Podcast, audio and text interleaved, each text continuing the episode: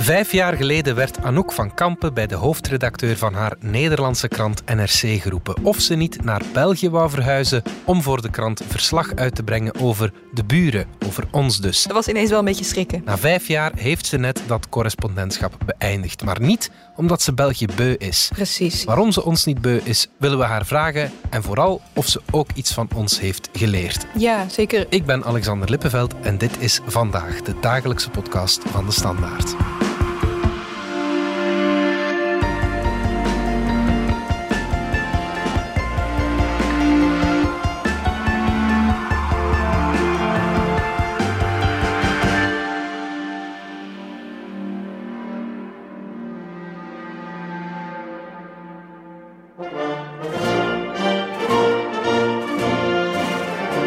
Van Kampen, onze luisteraars kennen jou misschien al een beetje, want je maakte voor ons de mooie podcastreeks De schaduw van Dutroux over alles wat die misdadiger in beweging zette. 25 jaar geleden was ik, Gabrielle Ader, 9 jaar oud. Ik ben Anouk van Kampen en ik was toen 7 jaar. Ook al waren we jong en woonden we in Nederland, allebei herinneren we ons de zaak nog als de dag van gisteren. De angst voor de meest gruwelijke man van België was namelijk ook naar ons land overgewaaid. Maar je was de voorbije jaren vooral actief voor NRC, de Nederlandse krant. En je moest de Nederlandse lezers vertellen wat er in ons land aan de gang was. Maar toch eerst even vragen, wat dacht je toen je hoofdredacteur je naar België wou sturen? Um, ja, ik had er een beetje zelf om gevraagd, want ik had wel gesolliciteerd uh, op de functie. Mm -hmm. Maar het werd pas echt reëel op het moment dat hij, uh, dat hij uh, kwam zeggen dat het, uh, dat het zover ging, ging komen. Dus ja. dat was ineens wel een beetje schrikken. Ja, oké. Okay, ja, ja, ja. Maar het was uiteindelijk goed nieuws dat je die job kreeg, toch? Het was goed nieuws, maar ik, ik kende eigenlijk niemand in België. Ik kende België nog niet extreem goed. Mm -hmm. Ja, je hele leven gaat ineens veranderen. Dus het was wel even spannend. Ik was ja. 27, ik had niet extreem veel journalistieke ervaring. Dus ik dacht, waar begin ik nu aan? Ja, ja inderdaad.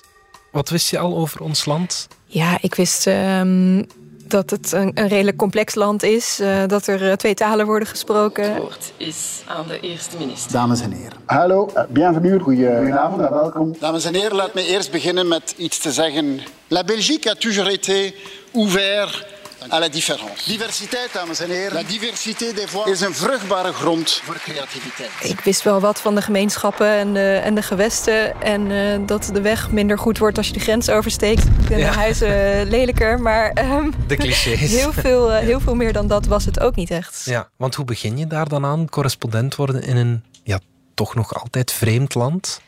Ik had het voordeel dat ik, dat ik wel nou ja, Nederlands sprak natuurlijk, maar ook Frans. Waardoor ik uh, ja, redelijk gemakkelijk met, uh, aan beide kanten van de, van de taalgrens met mensen kon gaan praten. Dus dat heb ik in het begin heel veel gedaan. Mm-hmm. Nou, daarna natuurlijk ook, maar ik heb contact opgenomen met heel veel mensen. Ja, en uh, vertel me maar alles wat ik moet weten over dit land en waar ik zeker op moet letten. Hoe bepaalde je tijdens je correspondentschap waar je over schreef?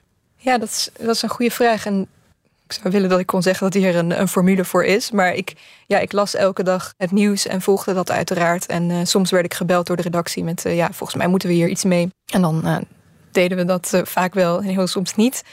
Maar voor het allergrootste deel is dat een beetje intuïtie. Hmm. En iets waarvan je denkt dat het in Nederland wel, wel interessant zal worden gevonden. Geef eens een voorbeeld.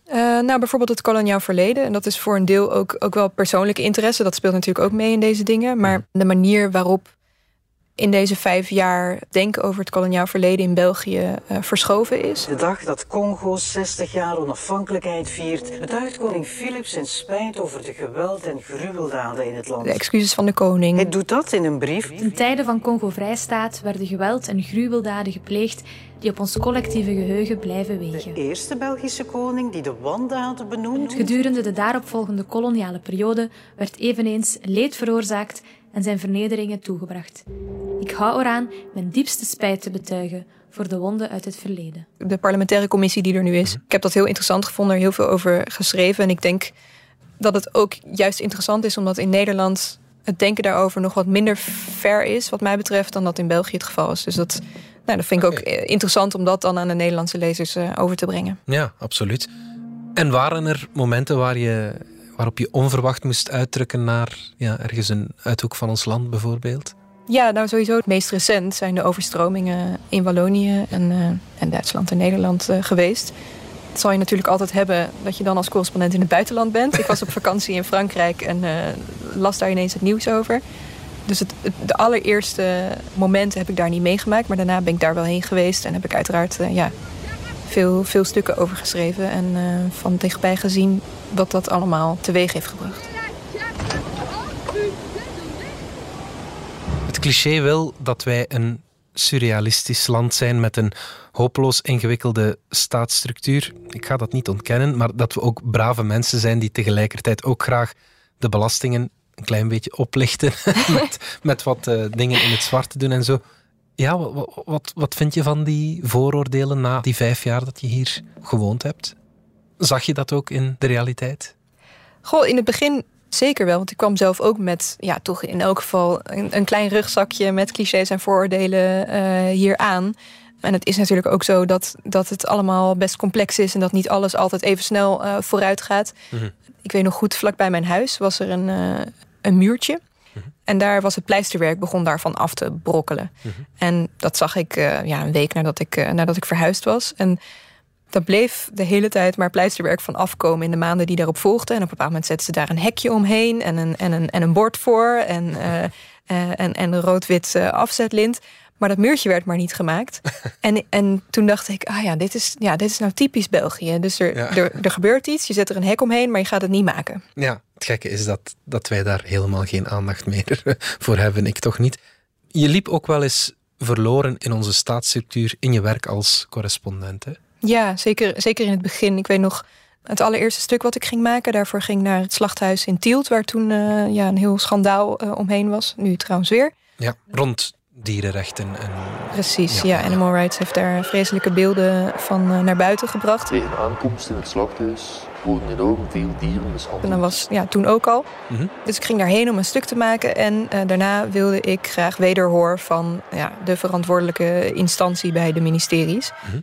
Ja, maar waar begin je dan? Ja. Uh, en ik uh, belde eerst naar een federale minister, maar daar moest ik helemaal niet zijn. En ik werd naar Vlaanderen doorverwezen. En dan was ik bij ja, de woordvoerder van landbouw, maar dat was verkeerd, want het moest dierenwelzijn zijn.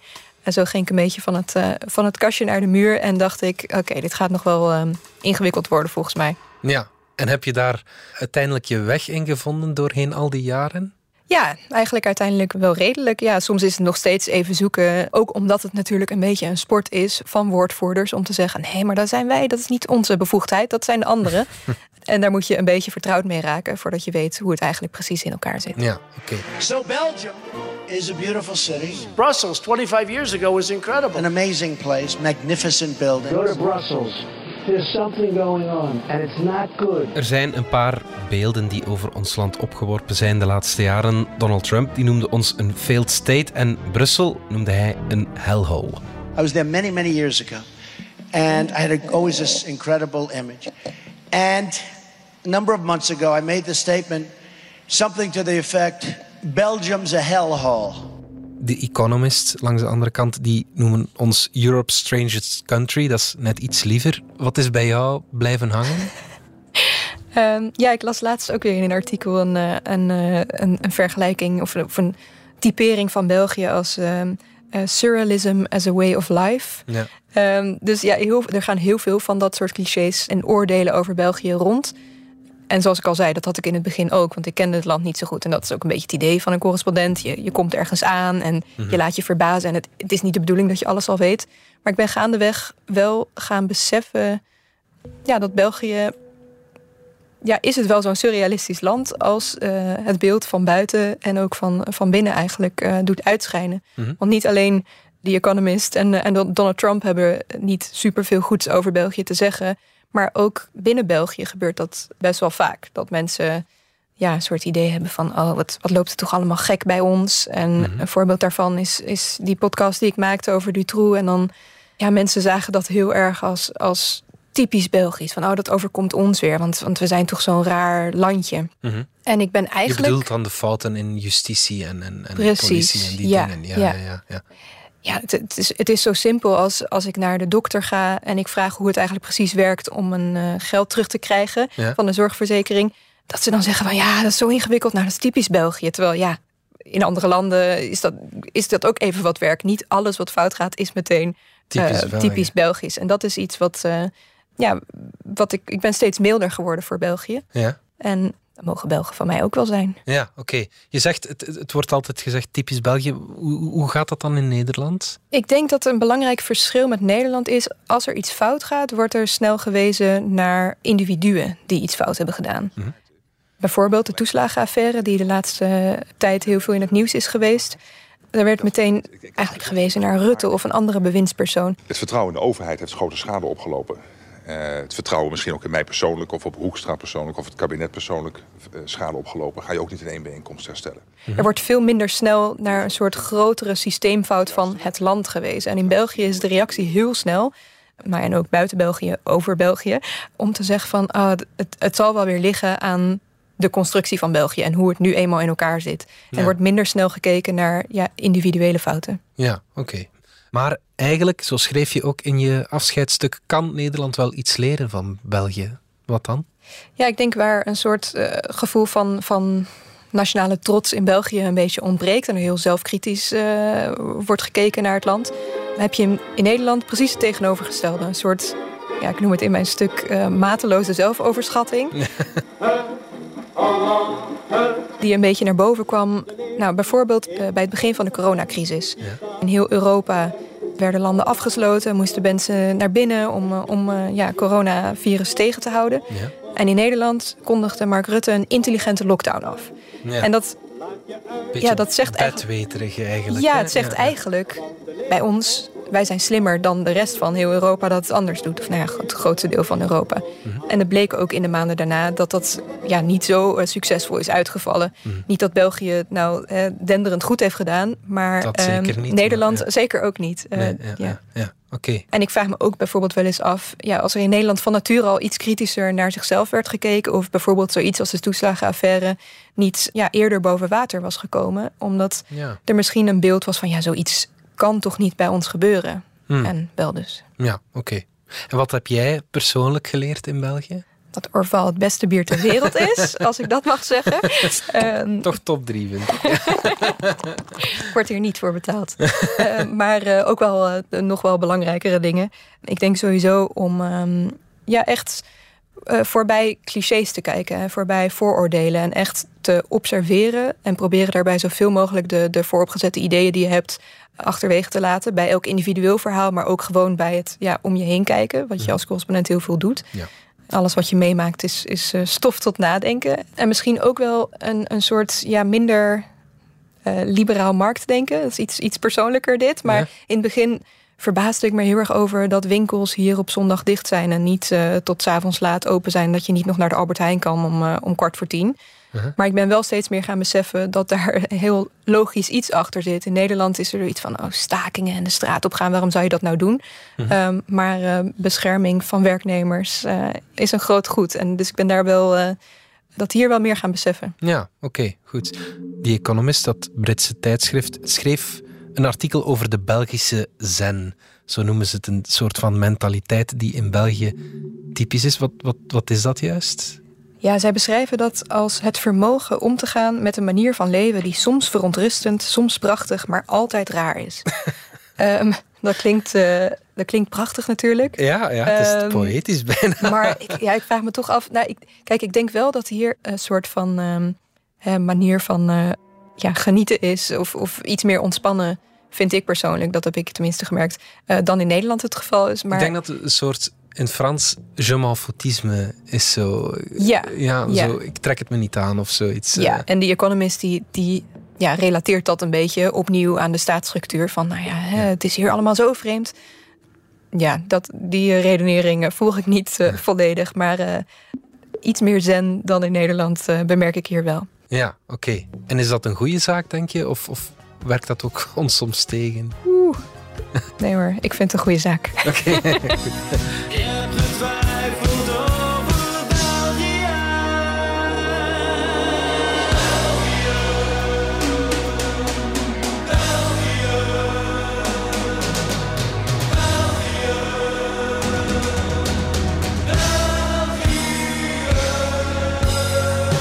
Er zijn nog altijd mensen die dromen van het verenigen van Nederland en Vlaanderen. Wallonië zou dan naar Frankrijk gaan.